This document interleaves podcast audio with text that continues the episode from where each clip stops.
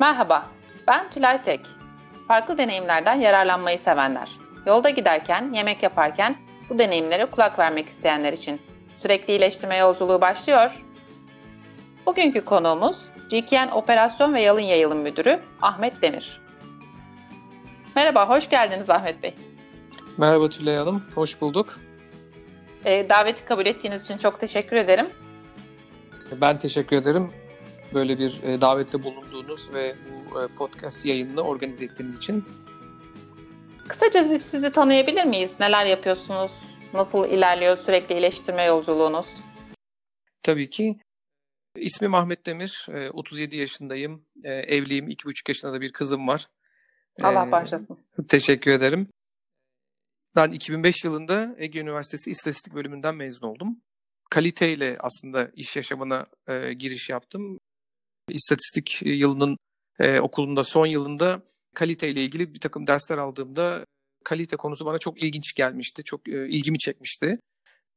Biraz da hani yapı gereği e, sistematik ve titiz bir insan olduğum için bu konuya e, nasıl eğilebilirim, nasıl kendimi geliştirebilirim diye düşünürken bu konuyla ilgili bir e, yüksek lisans programı olduğunu e, öğrendim ve 9 Eylül'de de e, kalite yönetimi üzerine de yüksek lisans programını tamamladım. Yüksek lisans programını son yılında e, iş hayatına atıldım ve çalışmaya başladım. Farklı farklı sektörlerde tecrübeler edindim. Otomotiv sektöründe çalıştım. Alüminyum jant e, üretiminde. Burada bakım departmanında TPM aktivitelerinin organize edilmesi ve e, alt sigma projelerinin yönetilmesi gibi sorumluluklarım vardı. Daha sonra bambaşka bir sektöre, seramik sektörüne geçtim. Türkiye'nin en büyük e, seramik firmalarından birinde e, kalite güvence bölümünde çalıştım. Orada kalite yönetim sisteminin e, iyileştirilmesi ve denetim faaliyetlerinin organize edilmesi gibi görevlerim vardı. Daha sonra eğitim danışmanlık işine biraz girdim. Tabii o zamanlar e, çok tecrübeli bir danışman değildim ancak eğitim anlamında altyapım oldukça donanımlıydı ve İzmir'de küçük büyük birçok firmaya çok farklı eğitimler verdim. E, hem yalın üretimle ilgili hem e, kalite yönetim sistemleri ve e, kalite gelişimleriyle ilgili.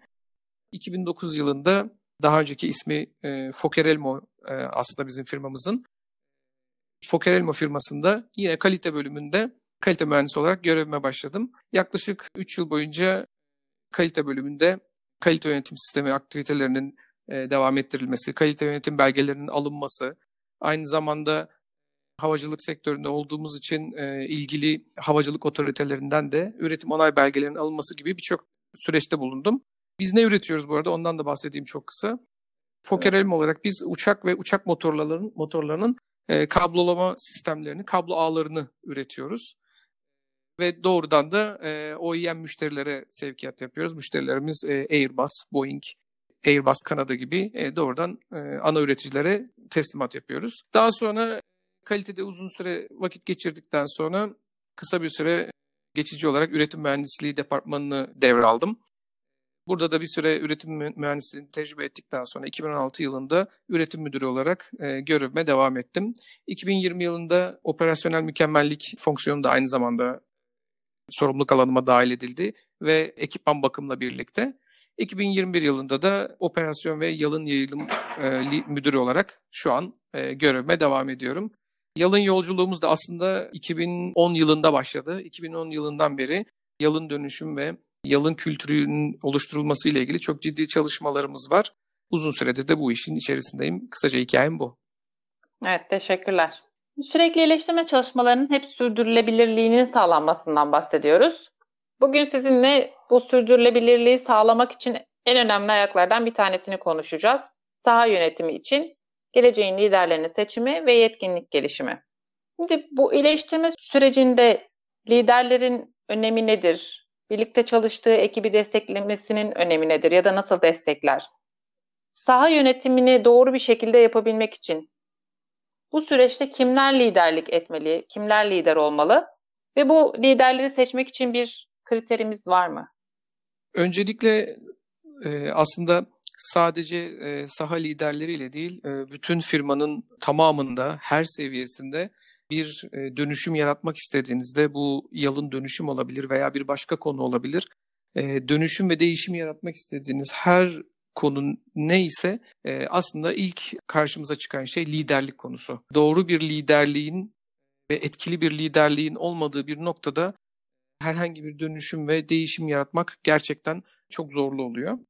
E, bu anlamda da bugünkü konumuz üst yönetim liderliği değil ama tabii ki üst yönetimin liderliği olmadan bu konudaki taahhütü ve adanmışlığı olmadan bir değişim başlatmak mümkün değil ve ya da sürdürülebilir kılmak mümkün değil. Bunun dışında da sadece üst yönetimin liderliği değil, aynı zamanda sahada da sahadaki performansı ve değişimi yönetecek liderler de çok kritik rol alıyor.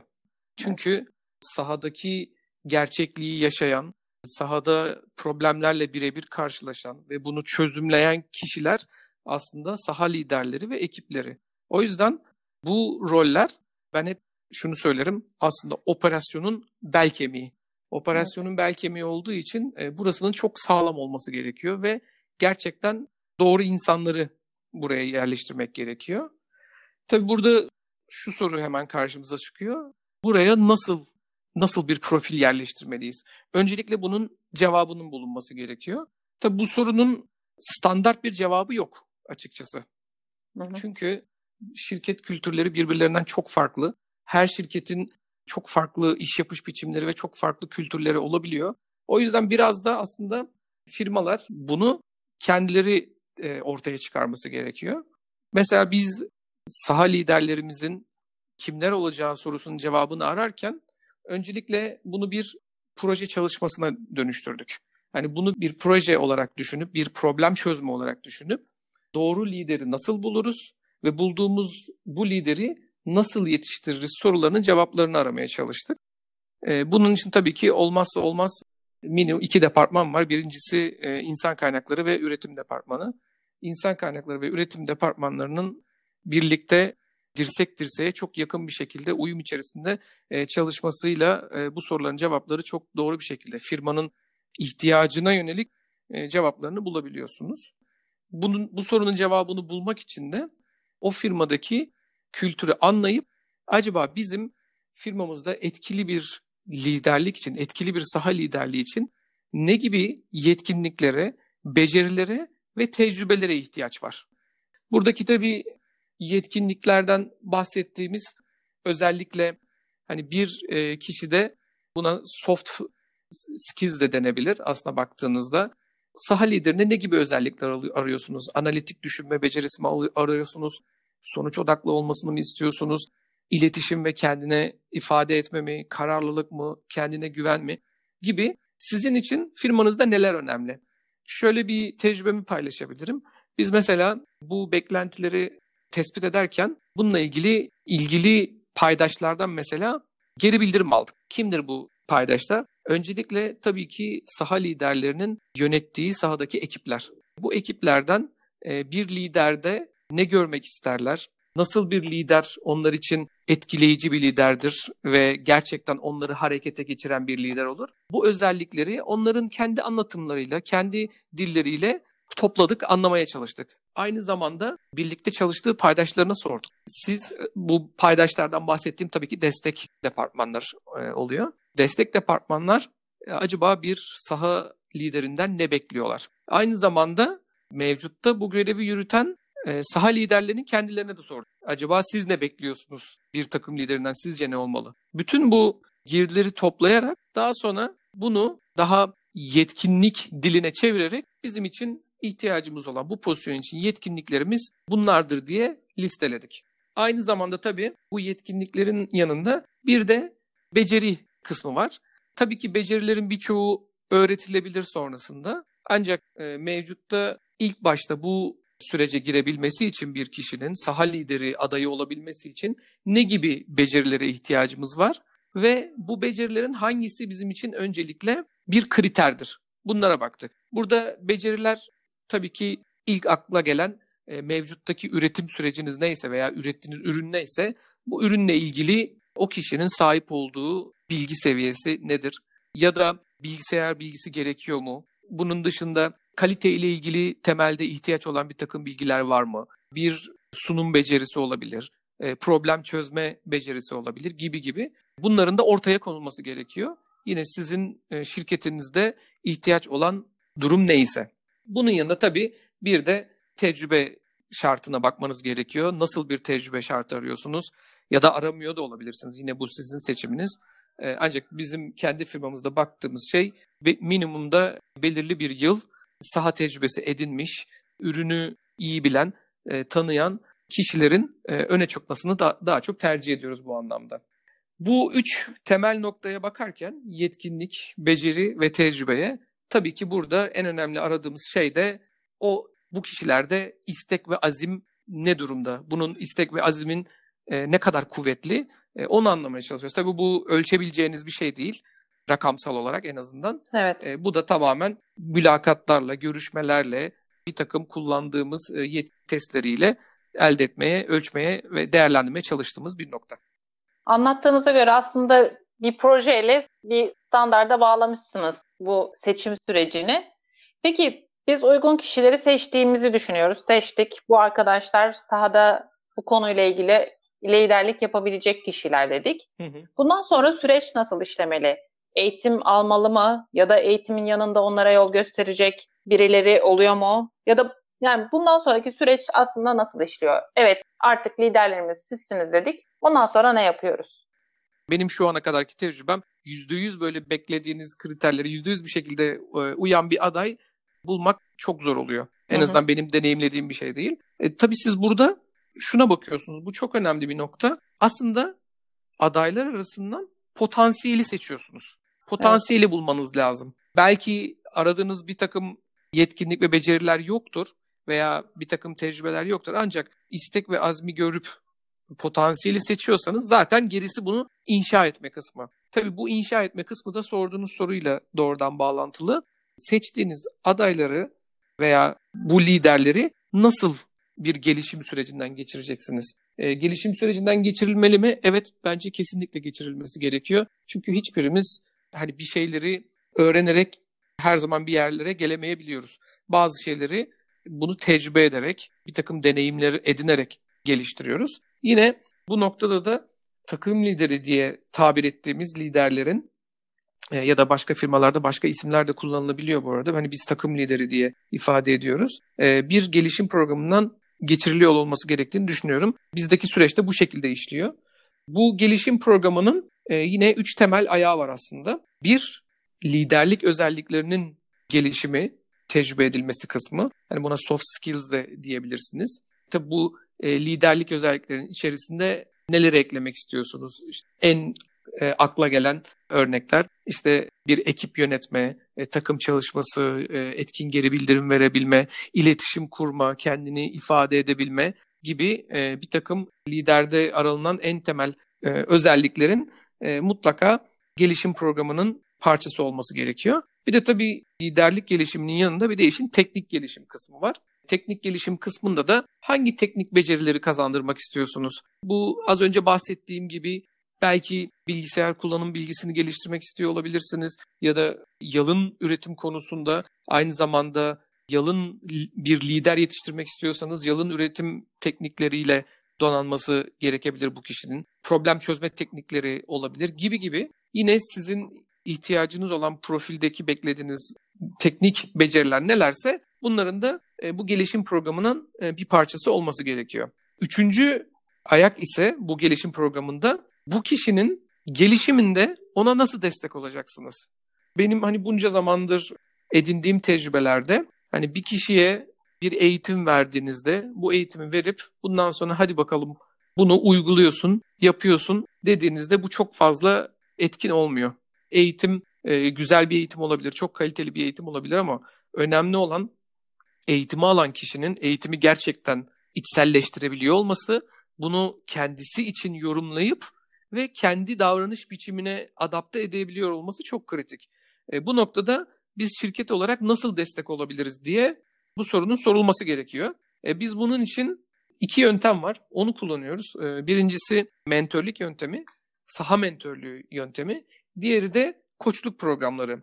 E, şimdi saha mentörlüğü yöntemi özellikle bir takım lideri adayının ilk artık seçim sürecinden geçtikten sonra bir eğitim süreci ve gelişim sürecinden geçerken bir de bunu sahada deneyimlemesi gerekiyor. Ve bu noktada da kendisine bir mentor atıyoruz. Bu saha mentörü iki tane temel görevi var.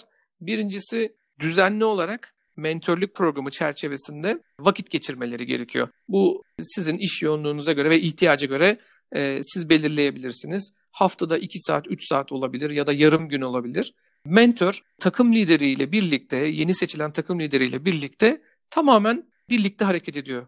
Takım lideri toplantıya giriyorsa birlikte toplantıya giriyorlar. Günlük saha toplantısı yapıyorsa saha toplantısını birlikte yapıyorlar. Ve sürekli takım liderini hem gözlemliyor hem de anlık bir şekilde burada bir geri bildirim çalışmasıyla veya orada tecrübesini paylaşarak takım liderinin bu deneyimi çok daha keyifli ve öğrenerek atlatmasını sağlıyor. Böylece hani e, takım lideri seçim sürecinden sonra bir anda kendisini yalnız bırakılmış işte bütün sorumluluk bir anda sırtına yüklenmiş gibi hissetmiyor. Evet denize atılmış ve eh, yüzmeyi kendi çabalarıyla öğrensin diye beklemiyoruz yani. Evet. Mesela biz bu programı ilk devreye aldıktan sonra tabii hemen geri bildirimleri merak ettik. Hem bu sürece dahil olan yeni seçilen takım lideri arkadaşlarla hem de uzun süredir bu görevi yürüten takım lideri arkadaşlarla süreçle ilgili deneyimlerini paylaştık. E, şu yorum çok çarpıcıydı. Özellikle mevcutta bu görevi yürüten arkadaşlar tarafından. Keşke bizim zamanımızda da böyle bir süreç olsaydı. Gerçekten hani e, çok daha bizim için süreç daha kolay olurdu aslında diye.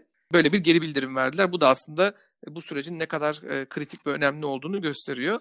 Takım liderlerinden de yani yeni seçilen takım liderlerinden de hani süreçte gerçekten ciddi bir öğrenme yaşadıklarını, aslında madalyonun öbür yüzünün hiç de onların gördüğü gibi olmadığının bu süreçte çok ciddi destek aldıklarını ve çok daha kendilerine güvenerek emin adımlarla ilerlediklerini bahsettiler.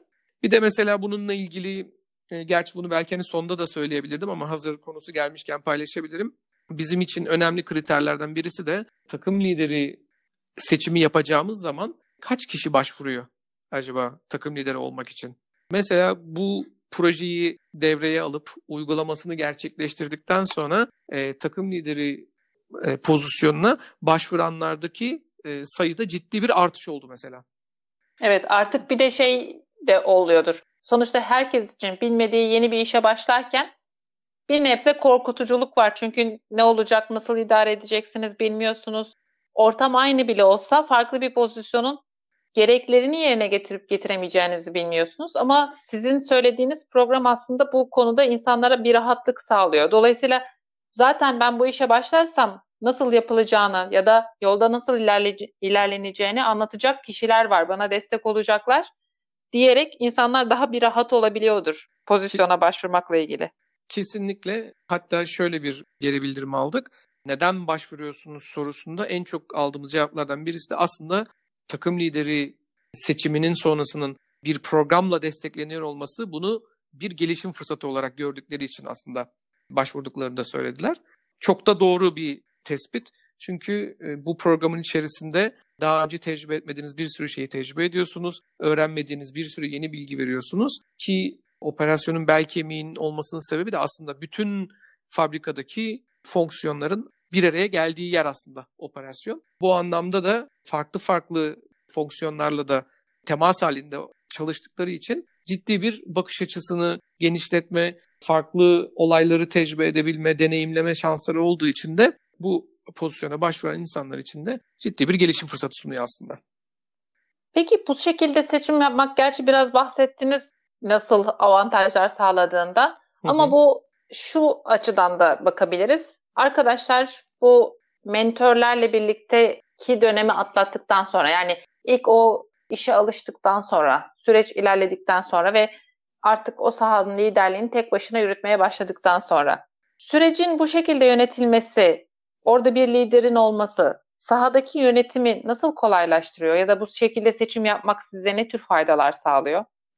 Birincisi üretim ortamlarına baktığınız zaman sahada yaşanan gerçeklik e, aslında fabrikanın gerçekliği. Hani fabrikanın sonuçları sahada üretiliyor. O yüzden sahada çalışan arkadaşlarımızın ne kadar motive olduğu, e, ne kadar şirkete bağlı olduğu ve gerçekten çalıştığı alanı sahiplendiği sizin perform performansınızda çok ciddi fark yaratan bir nokta. Ve hem daha önce yapılan çalışmalara baktığınızda ve benim kendi tecrübelerimde şunu çok net e, gösteriyor. Çalışanın motivasyonunu, bağlılığını ve çalışma alanını sahiplenmesini doğrudan en fazla e, etkileyen nokta çalıştığı lider, bağlı bulunduğu lider. O yüzden burada doğru liderleri seçip doğru ekiple eşleştirdiğiniz zaman ortaya çıkan sonuçlar muazzam oluyor. Bu her anlamda sadece performans anlamında değil, sürekli iyileştirmenin bir e, zorunluluktan değil, aslında işini daha iyi yapma arzusundan tutun da performans sonuçlarını iyileştirmeye, aynı zamanda bulunduğunuz o çalışma ortamında bir huzur, bir keyif ve hep gülen yüzleri görmenize sebep oluyor. Bu anlamda bence e, çok büyük fark yaratıyor. Peki yine bu seçim kriterleri ya da yetkinlik gelişimi sağlamak için yaptığınız bu standartlaştırmadan bahsetmek istiyorum. Hı hı. Bu süreçte bazen bu sürekli iyileştirme çalışmaları içerisinde herhangi bir konuyla ilgili olarak çalıştığınızda süreci standartlaştırıyorsunuz ama istediğiniz sonuçları alamayabiliyorsunuz ya da doğru hı hı. seçimleri yapmadığınızı görebiliyorsunuz. Bu süreçte sizin deneyimleriniz doğrultusunda hı hı. bu süreçte sizin Aa, burasını yanlış yapmışız şu şekilde revize etsek dediğiniz oldu mu? Bu süreç hep doğru bir şekilde çalışıyor mu? Doğru seçimler yapmanızı sağlıyor mu? Yanlış seçim denk geldiyseniz hı hı. bir yanılgı olduysa hı hı. bundan sonra ne yapmak, nasıl ilerlemek lazım?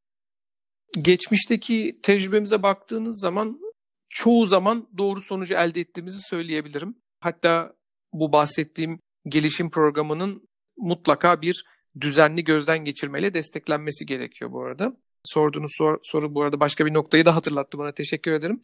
O gözden geçirmeler sürecin sürdürülebilir olması ve gerçekten planla, uygula, kontrol et, önlem al. PUKÖ döngüsünü sadece süreç artık çok e, zaman geçtikten sonra değil, süreç ilerlerken çalışta, çalıştırabilme anlamında çok çok kritik aslında. Bu gözden geçirmeleri bu arada yine aynı şekilde farklı paydaşların, daha doğrusu süreçle ilgisi olan farklı paydaşların geri bildirimleri doğrultusunda mutlaka yapıyor olmak lazım. Özellikle takım liderine mentörlük yapan mentörün geri bildirimleri, takım liderinin doğrudan raporlama yaptığı yöneticisi kimse onun geri bildirimleri ve aynı zamanda gelişim programında eğitim veren eğitmenlerin geri bildirimleriyle birlikte o gidişatı, performansı, doğru adayı seçip seçmediğinizin veya sürecin aday için gerçekten etkili bir şekilde e, ilerleyip ilerlemediğini anlamak açısından oldukça kritik ve bunları mümkün olduğunca yazılı bir halde yapmak gerekiyor. Bu biraz da bir disiplin isteyen bir nokta. Çünkü hani bu tarz çalışmalarda genelde e, işin dokümante etme kısmı biraz e, külfet olarak gelebiliyor. Ancak bu konuda kendinizi ve proje ekibini birazcık e, sık tutmak gerekiyor ki çünkü bu konuştuğumuz noktalar yazıda kaldığı zaman çok daha kalıcı, çok daha üzerine aksiyon veya sonuç inşa edebileceğiniz bir hal alıyor. Bu noktada eğer doğru seçimi yapmadığınızı düşünüyorsanız veya süreç istediğiniz gibi ilerlemiyorsa öncelikle orada bir problem çözme başlatmanız gerekiyor. Burada bir ister A3 başlatabilirsiniz, isterseniz 8D diyebilirsiniz. Hani hangi metodu kullandığınızın evet. çok önemi yok ama burada bir problem çözme başlatmanız gerekiyor. Öncelikle gerçekten problem var mı ona bakmak gerekiyor. Problem varsa neden olduğunu iyi anlamak gerekiyor. E, ve e, sürecin başına dönmek gerekiyor. Gap analiz dediğimiz hani nerede bir fark var? Siz hangi yetkinlik, beceri ve tecrübeye istediniz ve neyi bulamıyorsunuz? Burada tek tek detaya girip hangi yetkinlik kriterlerinde sıkıntı yaşıyorsunuz veya hangi beceriler, beceri seviyelerinde sıkıntı yaşıyorsunuz? Buralara girip bunu anlamak lazım ve tespit ettiğiniz noktada hemen aksiyona girmeniz lazım. Bizim daha önce tecrübe ettiğimiz bir noktada mesela mentörlüğün etkin işlemediği bir tecrübe yaşamıştık. E, hemen burada mentörlüğün e, gerektirdiği yetkinliklere baktık mesela. Mentörlerde biz ne gibi yetkinlikler istiyoruz, ne gibi tecrübeler istiyoruz, nasıl bir duruş bekliyoruz? Hemen baktık orada bizim daha standart bir sürece ihtiyacımız olduğunu gördük ve hemen mentörlük süreciyle ilgili bir standartlaştırma oluşturduk ve ona göre bütün mentörlerimizi hizalayıp süreci tekrardan çalıştırdık. Ya da seçtiğiniz takım liderinin belki de bambaşka yaşadığı bir durum olabilir. Bunu anlamak gerekebilir. Hani işle ilgili olmayabilir ya da işle ilgili olabilir. Bunları ortaya çıkarıp e, süreçle mi ilgili yoksa başka bir problem mi olduğunu anlamak gerekiyor. Süreçle ilgili bir problem varsa mutlaka ve mutlaka sürece dönüp evet biz bunu doğru ölçememişiz ya da doğru ölçmüşüz ama e, gelişim e, sürecinde istediğimizi elde edememişiz deyip oralara hep problem çözme net- neticesinde iyileştirmeleri belirlemeniz gerekiyor. Mesela tecrübe ettiğimiz bir konuda ölçmeye çalıştığımız yetkinlikleri bakarken uyguladığımız bazı ölçme metodunun aslında gerçekten bizim istediğimiz noktayı ölçmediğini fark ettik. Ölçüm metodunu tamamen ortadan kaldırıp yerine bambaşka bir ölçüm metodu ekledik mesela. Baktığınızda süreçte yaptığımız bir düzeltici iyileştirme faaliyetiydi. Bunun gibi sürekli aslında bunu bir kere süreci oluşturduktan sonra, bunu dizayn ettikten sonra değişmeyecek gibi değil, her daim değişebilecek, her daim güncellemeye açık olarak düşünmemiz gerekiyor. Bu sizin sorduğunuz sorudaki gibi e, istediğiniz sonucu elde etmeme kaynaklı olabilir. Ya da şirketin stratejisi değişmiştir. Şirketin e, rolden beklentisi değişmiş olabilir. Bu da aynı zamanda yine sürecin tekrar gözden geçirilmesi ve e, doğru sonuca ulaştırılması için güncelleme gerektiren noktalardan biridir. Evet aslında burada da bir sürekli iyileştirme potansiyeli var. Ha, diyoruz ya her süreçle ilgili olarak her durumda sürekli iyileştirme potansiyeli var. Sürekli gözden geçirmek gerekiyor bunun için de. Dediğiniz Evet. gibi eğer bir problem varsa nedenler araştırılıp ortaya çıkartılarak iyileştirmeler yapılabilir. Kesinlikle bahsettiğimiz özellikle bu çalışma için yani doğru lider seçimi ve gelişimi konusu tamamen insan odaklı bir konu. Yani insanın odağında olan, bir konunun zaten sürekli iyileşip e, gelişmemesi mümkün değil. O yüzden burada tamamen çok açık fikirli olmak gerekiyor. Hani yaptığınız şeyin bugün doğru, bugün bizim için geçerli olan budur dediğiniz şeyin yarın değişmeyeceği gibi bir düşünceye kapılmak e, süreçte ciddi bir tabii başarısızlığa sebep olacaktır. Aynı zamanda bu sürecin gerçekten güncelliğini koruyabiliyor olması, devam ettirilebiliyor olması disiplin isteyen bir konu. Hani bunu mutlaka sahiplenilmesi gerekiyor ve düzenli olarak yaşayan bir süreç haline getirilmesi gerekiyor ki gerçekten bunu bir kere değil şirket uzun yıllar boyunca faydasını görebilsin. Çok teşekkür ediyorum Ahmet Bey. Benim sorularım bu kadar. Sizin eklemek istediğiniz, şunu da belirtsek iyi olur dediğiniz bir nokta var mı? Eklemek istediğim nokta e, şu olabilir. Çok üzerine değinmedik ama yetkinlik becerileri belirledikten sonra bunları nasıl ölçülecek konusu var tabii. Burası da e, yine kritik bir nokta sürecin doğru bir şekilde çalışabilmesi ve sonuç elde edebilmek için. Yine oluşturduğunuz proje ekibiyle yine profesyonel bir e, insan kaynakları desteğiyle birlikte o belirlediğiniz yetkinlikleri nasıl ölçeceğinizle ilgili araçların geliştirilmesi lazım. Bunlar e, bir takım yetkinlik ölçen testler olabilir. Bir takım metotlar var bunun için onları kullanabilirsiniz. Ya da sizin gerçek yaşamda karşılaşabileceğiniz vaka çalışmaları olabilir. O vaka çalışmalarıyla burada takım lideri adayının düşünme biçimini e, anlamaya çalışabilirsiniz. Yine tabii ki mülakat bu işin olmazsa olmazı. Mülakatlarla ilgili mesela bizim buradaki yaklaşımımız bir panel, mülakat paneli oluşturmak ve bu panele yani mülakatı sadece işe alım yapan yönetici değil, bununla birlikte işte insan kaynakları birimi, yine e, varsa gelişim ve öğrenme birimleri bu birimlerle bir araya gelerek birlikte bir panel görüşmesi yaparak farklı bakış açılarıyla da e, değerlendirmenin derinliği arttırılabilir. Bunlar bizim şu anda uyguladığımız şeyler ve e, gerçekten ölçmenin de doğru yapılıp yapılmadığı ile ilgili ciddi bir farklılık yaratabiliyor. Nasıl ölçtüğümüzü de mutlaka standart hale getirip ve bunu da ihtiyaca hizmet edip etmediğini düzenli olarak kontrol etmemiz gerekiyor. Çok teşekkürler. Ben teşekkür ederim. Çok keyifli bir e, konuşma oldu. Benim için de öyle. Umarım dinleyenler de fayda sağlarlar. Umarım ben de. evet, bir sonraki programda görüşmek üzere. Hoşçakalın. Hoşçakalın.